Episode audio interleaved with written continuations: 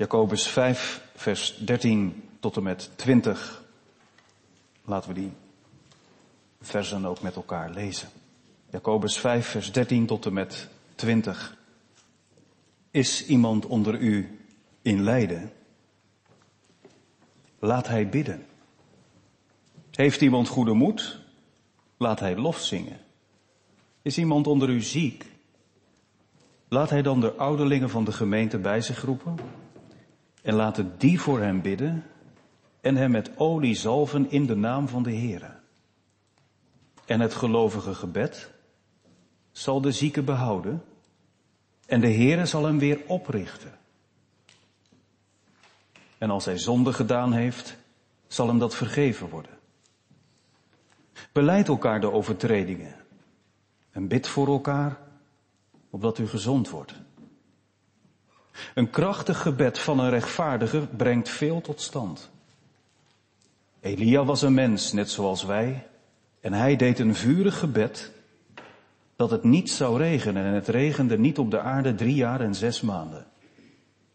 En hij bad opnieuw en de hemel gaf regen en de aarde bracht haar vrucht voort. Broeders, als iemand onder u van de waarheid is afgedwaald en een ander doet hem terugkeren, weet dan dat hij die een zondaar van zijn dwaalweg doet terugkeren, een ziel zal redden van de dood en een menigte van zonden zal bedekken. Tot zover de lezing uit het woord van God, de brief van Jacobus. Vanmiddag dus Jacobus 5, vers 13 tot en met 20 en het thema van de preek is de kracht van het gebed.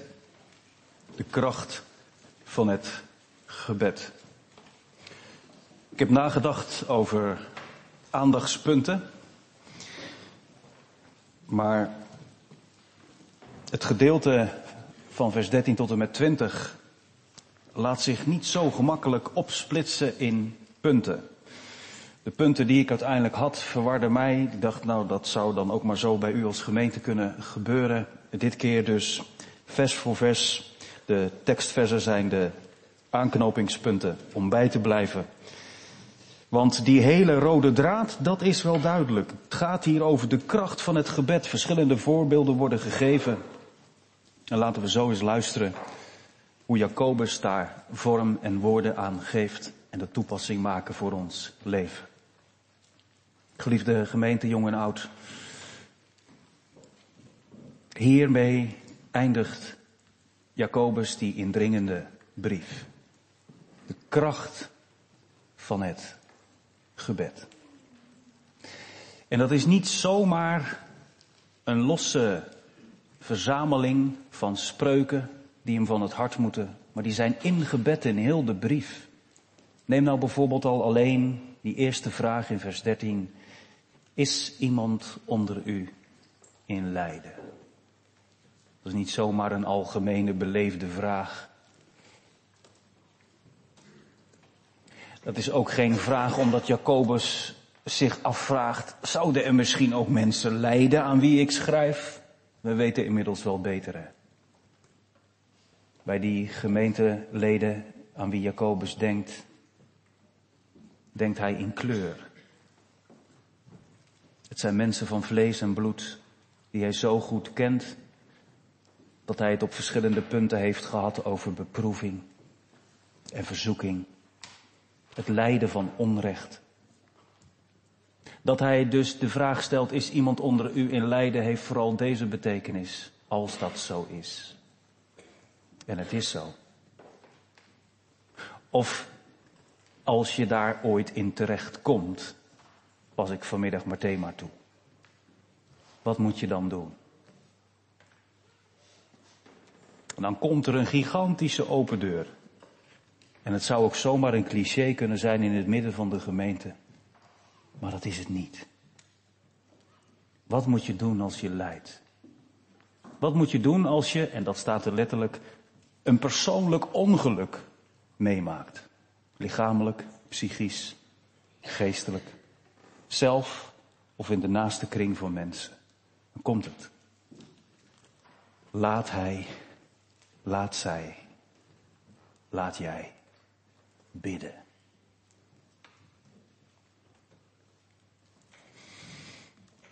Ik denk dat ik er wel eens wat spannender begonnen ben aan de preek, toch? Dit zag iedereen aankomen. Als je meeleest met de vinger erbij. En hoe vaak hoor je het niet vanaf de kansel op huisbezoek? Hoe vaak zeg je het ook niet tegen elkaar als het moeilijk is, als iemand persoonlijk ongeluk meemaakt? Ik bid voor je hoor, of niet vergeten, blijf even bidden. Soms klinkt dat als een soort noodkreet. Ja, dat is ook het enigste wat we nog kunnen doen. Soms wordt het een soort leidelijk. Bid er maar om. Berustend.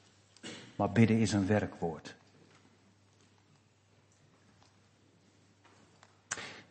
Ik hoop van ganser harte dat u en jij deze open deur dagelijks binnengaat.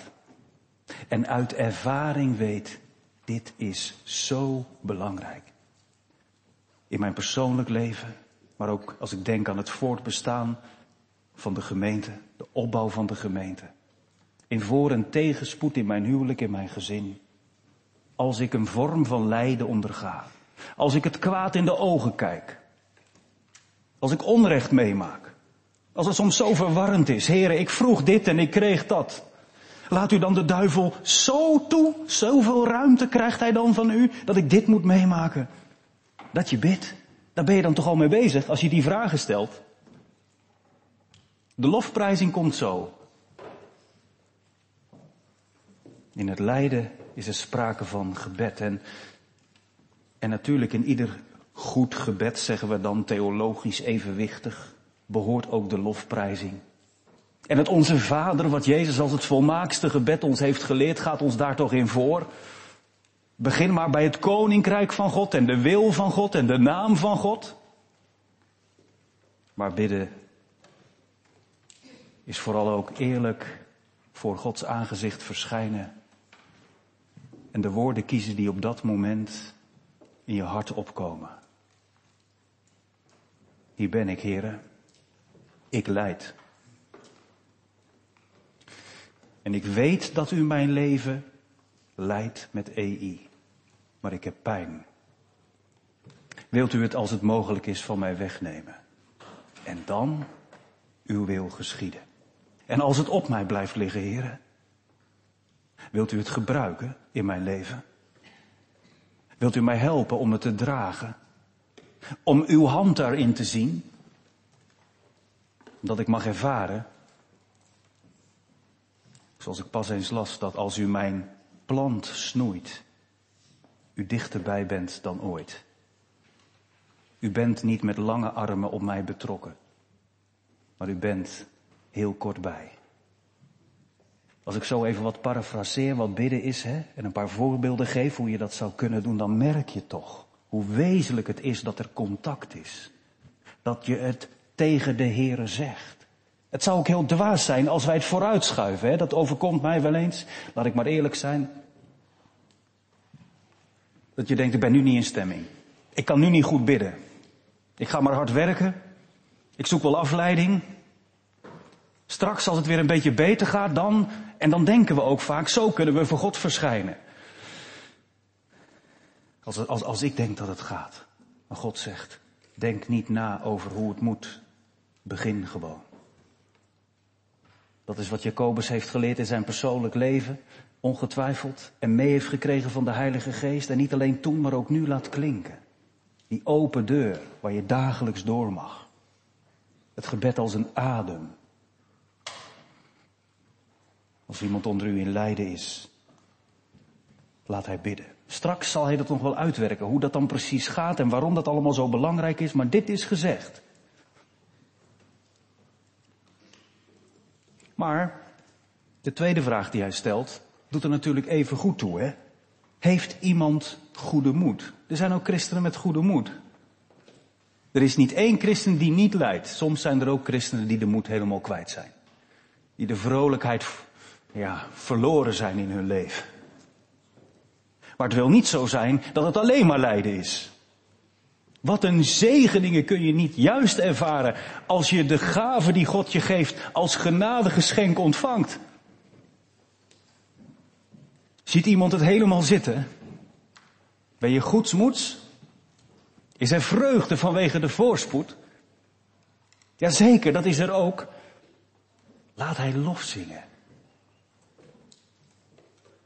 Je merkt wel, Jacobus is erop gericht om de gemeente op te bouwen in hoe ze met elkaar omgaan.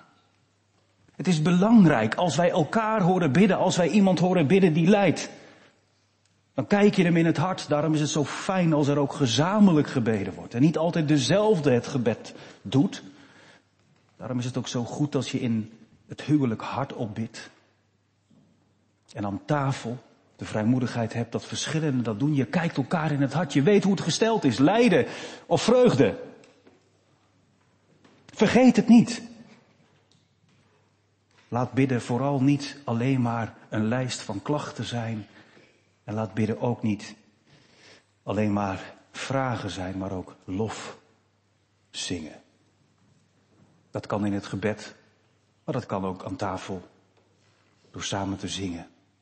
Dat kan ook zonder woorden, omdat door je leven de dank aan God glanst. Herken je dat? Dat dat er dan ook uit moet? Wat zal ik met uw weldaden overladen, heren? U toch aan dank bewijs. Nou, ik begin maar ergens. Ik begin bij u. Ik heb u lief. U redt mij keer op keer. Dat. Ik dank u, heren, dat ik, dat ik weten mag. Dat niets mij van u kan scheiden. De dood niet. De verzoeking niet. Is iemand onder u in lijden, laat hij bidden. Heeft iemand goede moed, laat hij lof zingen. En dan de derde vraag. Is iemand onder u ziek? Wat dan? Laat hij dan de ouderlingen van de gemeente bij zich roepen en laten die voor hem bidden. Het eerste wat opvalt is dat het rechtstreekse tussen mensen en God onderbroken wordt door een tussenpersoon. Zo heeft God dat ook gegeven. Niet bij alles, maar zeker in specifieke situaties in het midden van de gemeente. Dat er de ambten zijn, in dit geval de oudste of de ouderlingen. Die niet vergeven kunnen, die niet genezen kunnen, maar die wel door God gebruikt worden. Het ambtelijk gebed, de voorbeden. En het tweede wat opvalt is, u voelt hem aankomen, hè? de olie. En u was misschien wel benieuwd, welke kant gaat dat dan op? Wat wordt de uitleg van de dominee? Nou, dat is niet zo belangrijk, maar hoe mag ik met behulp van de preek en de uitleg van de dominee dit gedeelte duiden? Nou, ik wil u vragen om goed te luisteren, wou ik bijna zeggen, maar dat, dat ben ik wel van u gewend, maar om met de vinger erbij dan ook echt even geconcentreerd mee te lezen. Want ik heb een ontdekking gedaan um, die ik graag met u wil delen. En dat is als eerste, gaat het hier wel over ziekenzalving? En dat heeft te maken met het woordje in het Grieks, wat hier vertaald is met is iemand onder u ziek? Dat is een mogelijke vertaling, maar het Griekse woord wat gebruikt wordt, wordt ook vaak in het Nieuwe Testament vertaald met zwak. Moreel zwak. Of de zwakte van een prille christen die het nog moeilijk vindt om los te komen van het leven van eertijds. Je moet altijd kiezen welke vertaling je dan doet aan de hand van de context. En wees nu eens eerlijk. En dan ben ik bij dat verzoek om goed mee te lezen. Waar blijkt uit dit gedeelte dat Jacobus in eerste instantie gedacht heeft aan iemand die ziek is geworden. Lees eens mee. Is iemand onder u, ik, ik vertaal het nu met zwak. Is iemand onder u zwak? Laat hij dan de ouderlingen van de gemeente bij zich roepen. Laten die voor hem bidden en hem met olie zalven in de naam van de Heer. En het gelovige gebed zal de zieke redden. Behouden. Staat niet genezen, maar redden behouden. En de Heere zal hem weer oprichten. Dat kun je inderdaad in de Bijbel tegenkomen met letterlijk iemand die niet kon lopen die opgericht wordt, maar het heeft ook een overdrachtelijke betekenis van iemand herstellen, iemand die gevallen is, moreel, in geestelijk opzicht, weer op de been helpen. En meteen erachteraan, hè. En als hij zonde gedaan heeft, zal hem dat vergeven worden.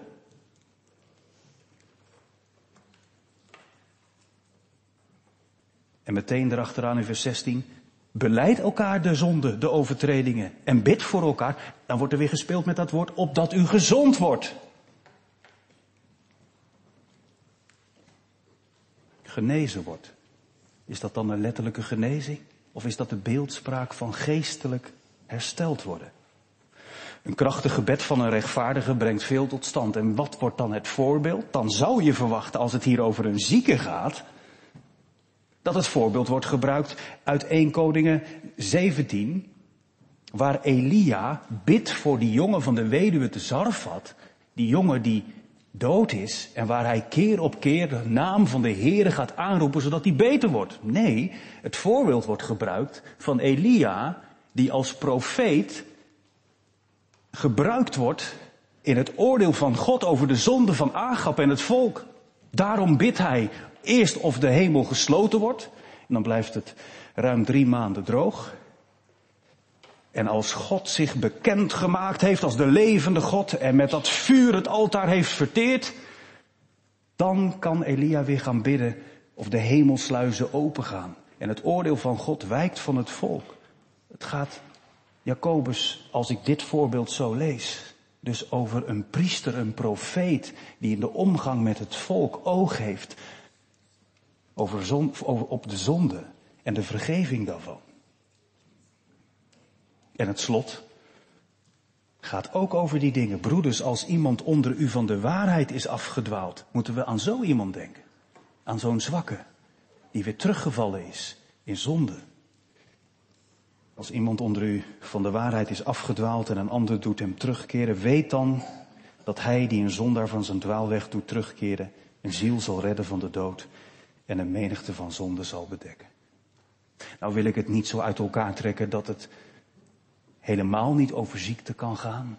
Het kan ook heel goed gaan over iemand die ziek geworden is door een zondige levensstijl.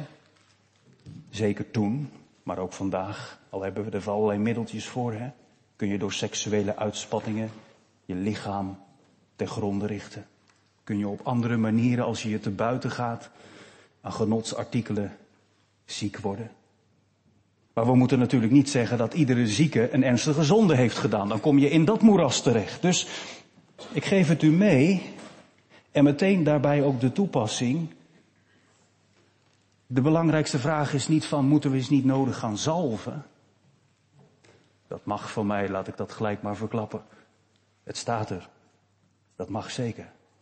En het kan een enorme bevestiging zijn van als er gezalfd wordt als een teken, zoals het water bij de doop en brood en wijn bij het avondmaal, dat het zichtbaar wordt gemaakt wat er is gebeurd. De zalving in het Oude en Nieuwe Testament vond ook wel plaats in het kader van vergeving en verzoening, maar ook bij zieken. We moeten dus letten op de context. Dat is hetgene wat ik u wilde meegeven en laten we dan zo eens gaan kijken.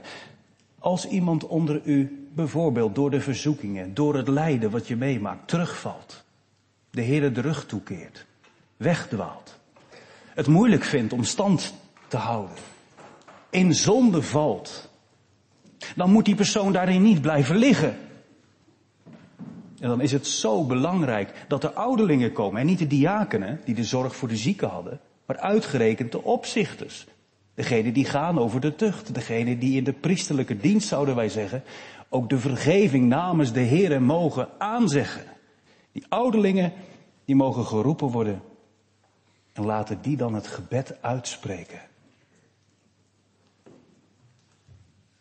Toen ik eh, de mensen van Brug 010 vanmiddag al een beetje voorbereidde, een voorproefje gaf van wat er vanmiddag ging komen, toen kwam wel de vraag van, dan blijven we toch aan het salven. Bij zieken kun je nog zeggen, ja, dat zijn dan een paar ernstige zieken, dan doen we het één keer in de zoveel tijd, maar er zijn zoveel zonden die te beleiden zijn. Er is zoveel gebroken in het midden van de gemeente. Er zijn broeders en zusters die, ja, die misschien wel juist heel eenzaam zijn omdat ze ergens in vastlopen en het niet durven zeggen. Hoor dan, dan mag je de broeders benaderen. Dan hoef je niet te denken, ik krijg een reprimande. Maar zij zijn van God gezonden. Om voor mij te bidden. Juist als je zelf soms niet meer bidden durft of kunt. En welke olie ze dan ook meenemen, welke zalf ze dan ook meenemen. Ik zal er geen specificaties aan geven, het is natuurlijk slechts het middel. Hè?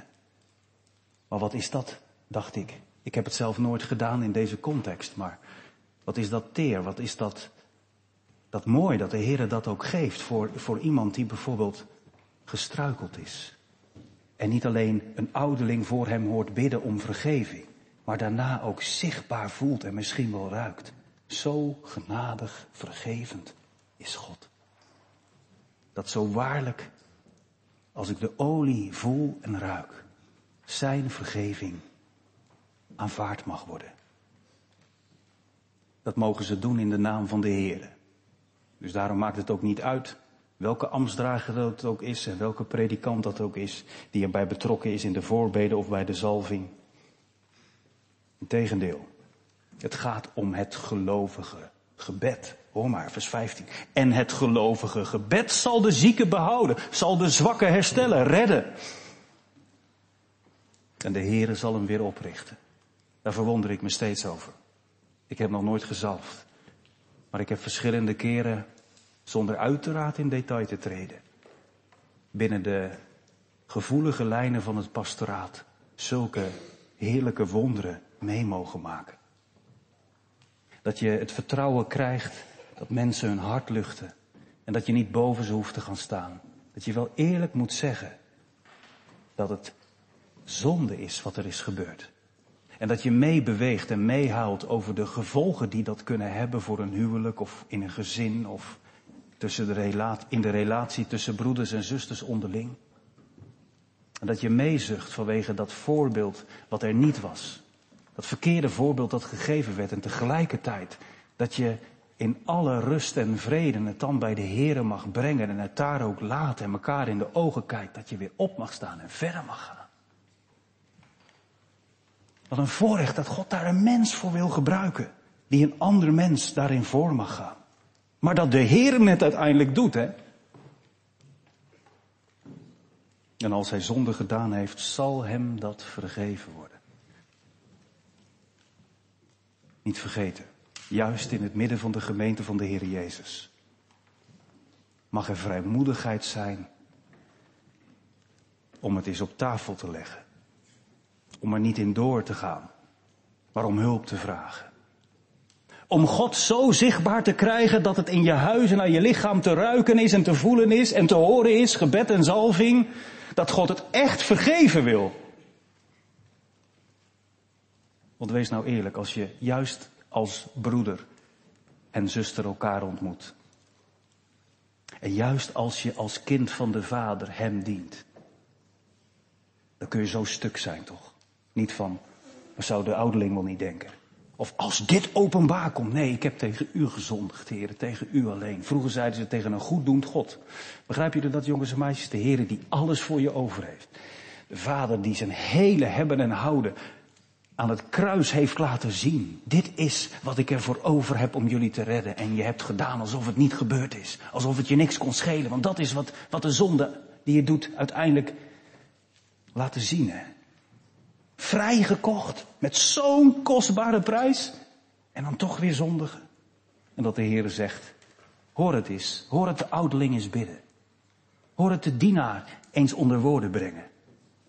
Ruik nou eens die zalf. Voel het nou eens. Dit is wat ik wil geven. Vergeving. En meteen logischerwijs daaruit volgt dan vers 16. Beleid elkaar de overtredingen. Er zit ook iets in hè, van wie overtreedt de wet van God niet. En hoe kan het er ook niet heel gemakkelijk tussen gaan zitten? Is dat niet wat Jacobus in het voorgaande van zijn schrijven verschillende keren duidelijk heeft gemaakt. Hoe broeders en zusters elkaar ook in de weg kunnen zitten. Denken de wijsheid in pacht te hebben. Op een verkeerde manier veroordelen. Het lucht zo op, hè. Als je het niet te lang laat liggen. Dat je denkt, ik moet nodig bellen. Nou, dat is eigenlijk niet goed. Dan helemaal niet appen, hè. Niet doen. Als het over deze dingen gaat. Zoek de ander op. Kijk elkaar in de ogen. En buig voor de Heer.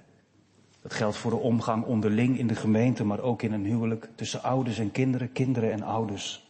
Het is zo wezenlijk dat het schoon is in de onderlinge verhoudingen. En daarom zegt Jacobus, beleid elkaar de overtredingen en bid voor elkaar. Aan de voeten van God is de grond vlak. Daar heb je geen tribune. De een staat iets hoger dan de ander. Aan de voeten van God is de grond vlak. Ook al kun je misschien heel hoog tegen iemand opkijken dat je denkt, nou, die zal nooit doen wat ik heb misdaan. In zijn hart kan die je misschien wel voor zijn. In de gedachten die er zijn geweest. En dat je samen, zonder dat je te hoog van jezelf denkt, hoog van God denkt en klein wordt. Het er met elkaar over hebt. Het niet zomaar sorry zeggen, maar benoemen wat er verkeerd is gegaan. Het horen wat het bij die anderen teweeg heeft gebracht. En zo samen met elkaar in gebed voor God verschijnen. Zodat u gezond wordt. Juist omdat het hier over, over misdaden, over overtredingen gaat. Zou ik dit woord gezond dan ook in dit verband graag zien. Als weer hersteld worden, geheeld worden. Nee, niet alles. Ik weet het, ik weet het. En ik zie het soms aan uw gezicht. Het gebeurt niet altijd. Het is tweerichtingsverkeer. Als een andere partij, ik zou bijna zeggen, de poot stijf houdt, geen schuld erkent, of er zomaar overheen leeft, dan is het heel moeilijk om eerlijk te zijn tegenover elkaar, om kwetsbaar te zijn. Dan is bidden ook ja, niet wat de Heer van ons vraagt zoals het zou moeten. Dan wordt bidden een soort, een, een, een kiepwagen eroverheen. En dan moet het er niet meer over hebben. Zo niet. Maar dat je toch iets ervaart van de heling die ervan uitgaat. En bemoedigd raakt dat de Heere ons dit gebed geeft. Een krachtig gebed, niet vergeten. Een krachtig gebed van een rechtvaardige brengt veel tot stand. Dan zegt iemand maar, ik en krachtig bidden, ik en een rechtvaardige. Ik vond het wel treffend toen ik mij wat verdiepte in de grondtekst, dat je, dat je het ook zo mag vertalen. Veel kracht heeft het gebed van een rechtvaardige. Ik denk, dat vind ik toch mooi. Veel kracht heeft het gebed van een rechtvaardige. Want voor je het weet, als je leest een krachtig gebed van een rechtvaardige, dan denk je, ja, ga mijn deur maar voorbij. Ik en krachtig bidden. En als je niet op je plek bent, dan denk je, ja, precies, kom maar bij mij, want ik kan het wel. Nee, het gebed heeft kracht. En wat maakt nou een krachtig gebed? Als het met de juiste toewijding, met het juiste gezindheid, met het juiste hart wordt uitgesproken. Dan kunnen de wonderen gebeuren. Nee, dan wordt niet elk huwelijk gered. En dan komt niet elk kind terug naar de kerk. En dan wordt niet iedereen geheeld. Maar er gebeuren wel wonderen. En dan word je zo stil dat jij als mensje, waarvan God zegt, je doet wat ik van je vraag. Als je zelf kennis hebt aan de gerechtigheid van God in Christus. En je bent zo in gebed betrokken op elkaar en je vergeeft een ander al biddend en je ontvangt de vergeving samen van mij, dan zie je wat voor een wonderen de Heere doet als je bidt. De Heere vraagt een rechtvaardig, een gebed van een rechtvaardige. Daarom kan Elia te sprake worden gebracht, toch? Het is alsof Jacobus het aanvoelt. De schroom die ik erbij heb, heeft hij misschien ook wel gehad. Want ja, bij de Joodse lezers was dit meteen, oh wacht, nu gaan we recht zitten. En terecht, Elia, die is opgenomen in de hemel, hè, die is ten hemel gevaren. Elia, de grote. Oh, ja, de rechtvaardige, zeker, de tzaddik. Jacobus zegt er wel bij, een mens net zoals wij. Mag ook vertalen, in zijn ervaringen net zoals wij.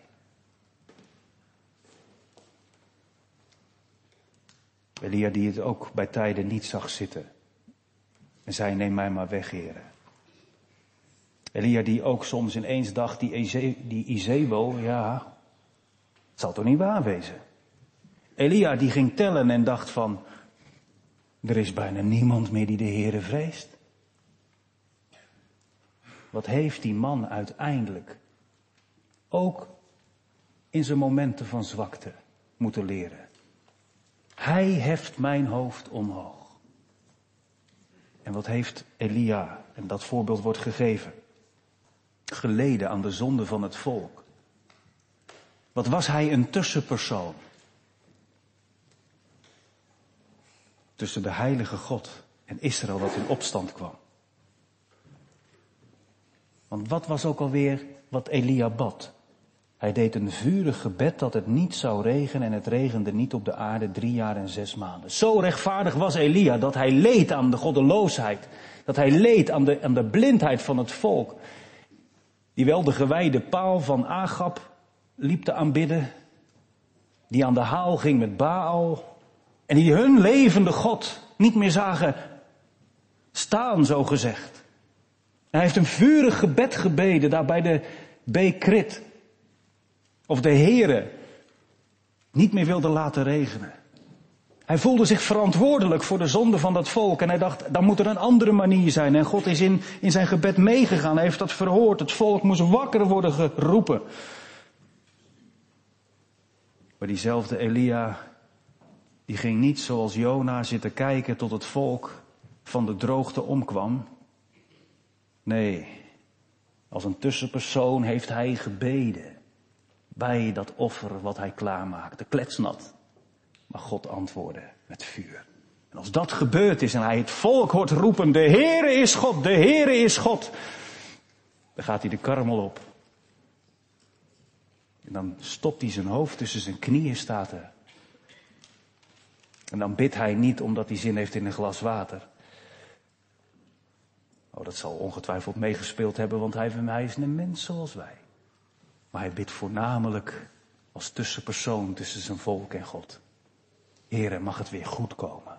Laat met de regen uw zegen weer komen, zoals u het altaar hebt verteerd. Zo wil u ons niet verteren. U bent de God van uw volk en u komt er weer op terug. Zo bent u. U bent genadig.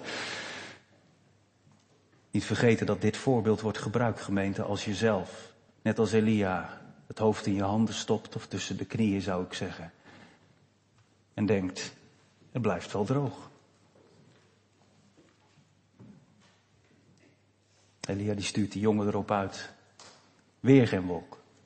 Weer geen wolk. Misschien ken je die momenten in je leven. Dat je bidt of je kind weer terug mag komen naar de kerk. Afgedwaald. Misschien ken je die momenten in je leven dat je weet van een broer of zus van je vader of moeder die de Heere nog niet kennen. En het lijkt maar niet te gebeuren. Of je weet, omdat het je in vertrouwen is verteld van een broeder die in zonde leeft en hij wil er niet mee stoppen. En je zit in tweestrijd. Wat moet ik nu? Ik ben geen oudeling. En je bidt en je zucht.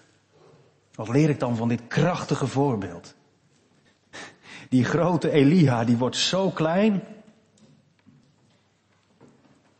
in de gestalte van het gebed, maar hij volhardt. En dan komt die jongen. Die komt vertellen. Het is nog niet veel, maar het is het beginnen. Het begint met een wolkje zo groot als de hand van een man. En daarna moeten ze bijna zwemmen naar Israël. Zo hard begint het te regenen. Op Gods tijd. Die twee dingen. Wat leren wij daaruit? Ook in de omgang met elkaar. Nou, de conclusie is, is duidelijk wat Jacobus eruit ophaalt in vers 19 en 20. Broeders, als iemand onder u van de waarheid is afgedwaald. Zoals Elia dat zag gebeuren. Bij zijn volk, het volk van God. En die ander doet terugkeren. Weet je wat je dan hebt gedaan?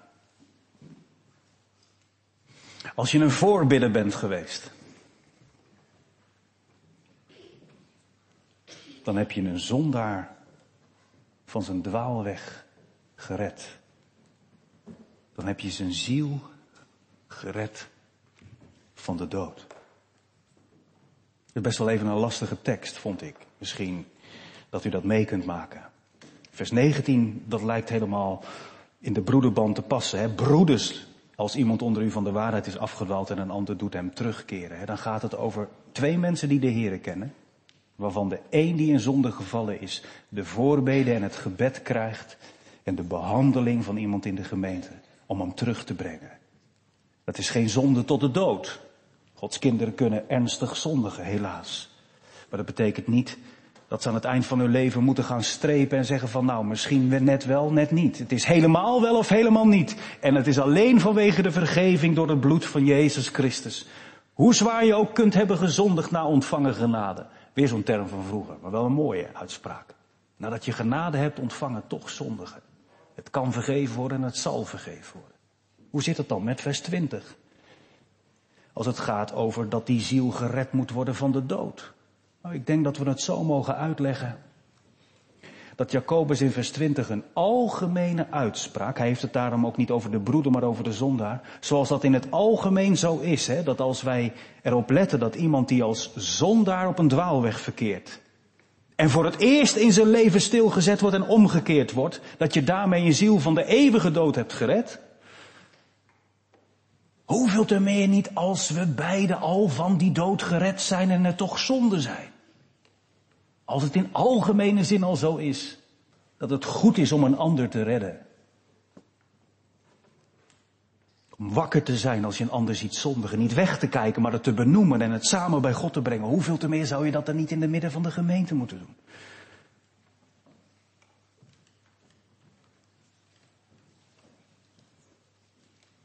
Dan tot slot, hè.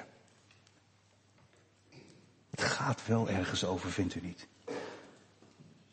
We zijn soms geneigd om de Bijbel te lezen op zo'n manier dat je denkt, ja, God vergeeft. En wij staan erbij te kijken. God moet dat doen. En we zijn niet rooms met de biecht en zo. En uh, ja, wij kunnen er toch niet voor zorgen, dat moet de Heer toch doen. En wordt hier wel heel actief genoemd. Hè? Als er één van ons van de waarheid afdwaalt, is de Heer het die aan ons vraagt. Niet alleen wil je voor hem bidden, maar wil je hem ook op gaan halen. Wil je zorgen dat hij terugkeert. Wat kan dat goed doen? Een hand op de schouder. Een blik van ontferming.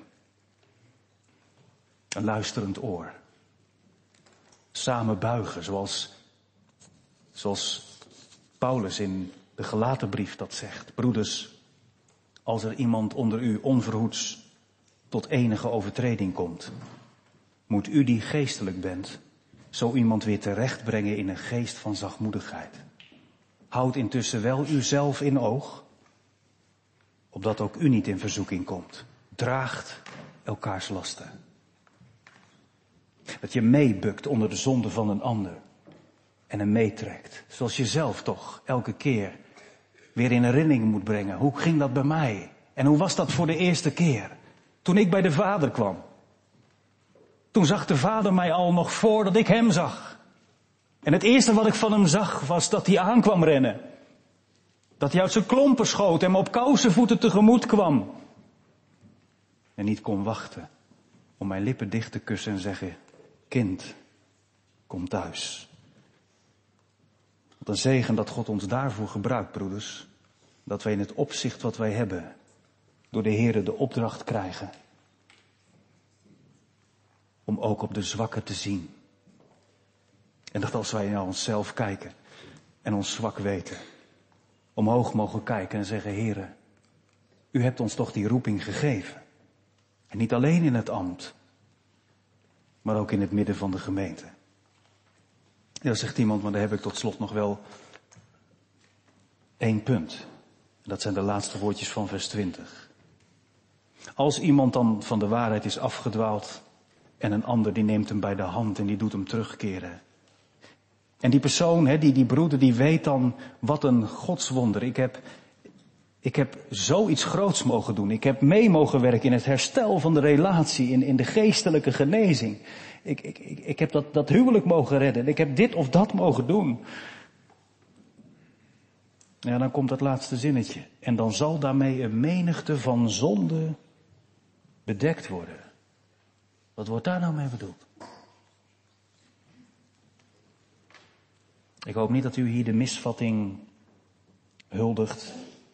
Dat het bedekken van zonde hier betekent zand erover, goed gesprek, even naar de mediator en dan niet meer zeuren.